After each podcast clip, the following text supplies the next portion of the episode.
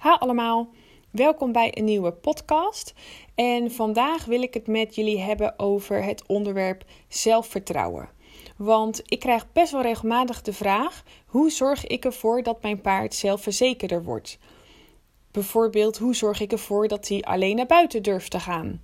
Of dat hij niet meer bang is om een bepaalde hoek door te gaan? Of niet meer bang is op concours? Of durft te trailen laden? En noem maar op.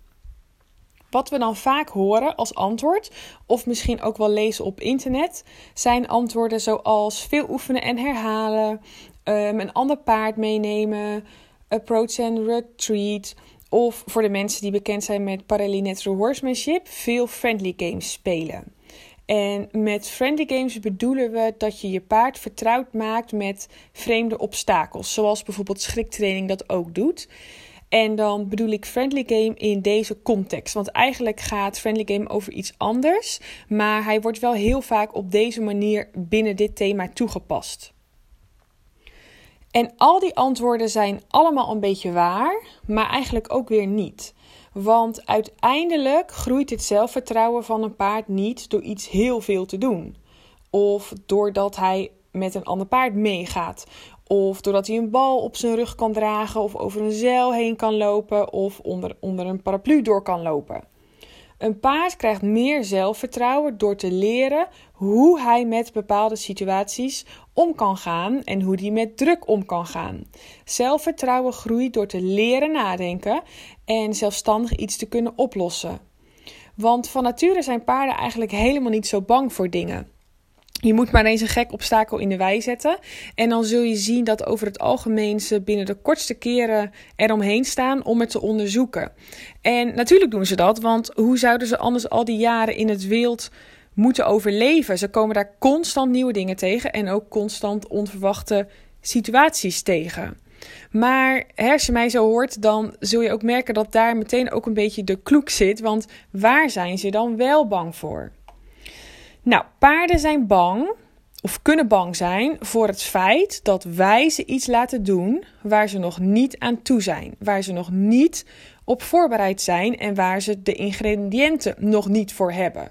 Dus dat we ze eigenlijk een vraag stellen waarvan ze het antwoord nog niet hebben of nog niet kunnen geven.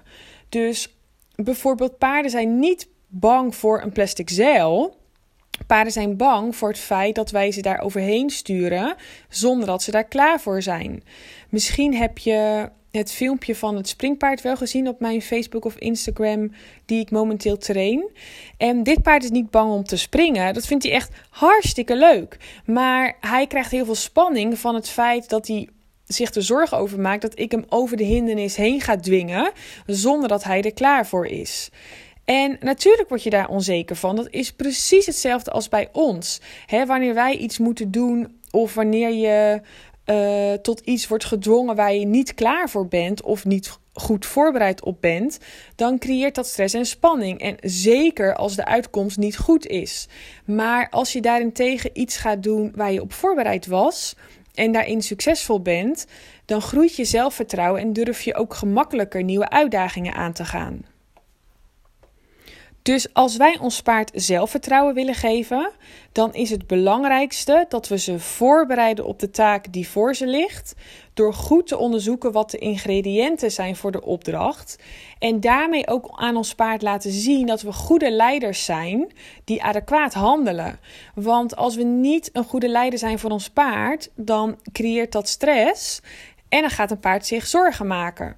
Dat is hetzelfde als Um, stel je voor dat ik tegen jou zeg van... Hey joh, ik heb een hartstikke leuk idee. Kom, we gaan in de auto en we rijden naar Duitsland of Zwitserland, weet ik veel waarheen. En dan gaan we daar een bergtocht maken. We gaan een hoge berg op. Zorg dat je klaar staat, kom ik je dan en dan ophalen en dan gaan we daarheen. En we komen op het punt waar we afgesproken hebben. En ik stap de auto uit en ik heb mijn slippers aan en een t-shirtje. Ik heb voor de rest niks bij me dan ga jij als het goed is wel een beetje zorgen maken. Waarom? Ik kom niet over als een voorbereid iemand, als een goede leider. Maar als ik daarin tegen aankom met een survival kit, ik heb voor iedereen een flesje water bij me, ik leg het plan uit, dan word je al een stuk enthousiaster, omdat de manier waarop ik me gedraag, de manier waarop ik praat, spreekt van bekwaamheid. Dus eigenlijk kun je de vraag van hoe kan ik mijn paard meer zelfvertrouwen geven, heel kort samenvatten. Je kunt je paard meer zelfvertrouwen geven, zorgen dat je paard zelfverzekerder wordt door een goede leider te zijn. En hoe ben je dan een goede leider? Je bent een goede leider door jezelf de volgende vraag te stellen: welke stappen moet ik volgen? Welke ingrediënten heeft mijn paard nodig om deze opdracht uiteindelijk zelfverzekerd uit te kunnen voeren? Dus nog een keer: welke stappen moet ik volgen? Uit welke stappen bestaat deze oefening? En welke ingrediënten heeft mijn specifieke paard nodig om uiteindelijk deze opdracht zelfverzekerd te kunnen uitvoeren? Dus laat ik als laatste nog even een praktisch voorbeeld pakken om het kort toe te passen. Laten we bijvoorbeeld zeggen dat we naar trailerladen gaan kijken. Dus we hebben een paard wat nog ineens in de buurt van een trailer wil komen. Of Ehm, die er misschien wel ingaat, maar vervolgens ook weer heel snel uitgaat. Ik weet niet precies, misschien heb je wel een paard wat moeilijk trailen laat. Maar in elk geval is trailen is een issue. Dat creëert bij jou en je paard stress.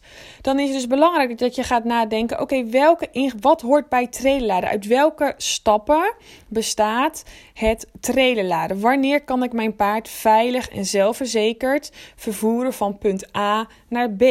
Dan kun je bijvoorbeeld denken aan: kan mijn paard stilstaan? Kan mijn paard wijken voor druk. Dus hè, als hij de druk van het touw voelt aan de voorkant of de druk van de stang aan de achterkant bij zijn billen, kan hij dan wijken voor de druk? Geeft hij dan mee in plaats van dat hij in paniek raakt en daartegen ingaat? Kan mijn paard vaststaan? Hè? Er zijn ook een heleboel paarden die zowel met stilstaan als vaststaan best wel veel moeite hebben. Nou, in een trailer heb je altijd een combinatie van beide. Dus dat is een heel belangrijk ingrediënt voor een stukje trailerladen.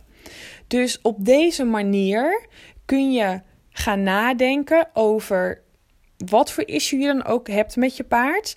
Maar als zelfverzekerdheid, zelfvertrouwen bij jou en je paard daarbij een rol speelt, dan kun je jezelf dus eigenlijk aan de gang zetten door op deze vragen een antwoord te bedenken en op door die stappen te gaan volgen, je paard ook meer zelfvertrouwen te geven. Ik hoop dat jullie er iets aan hebben.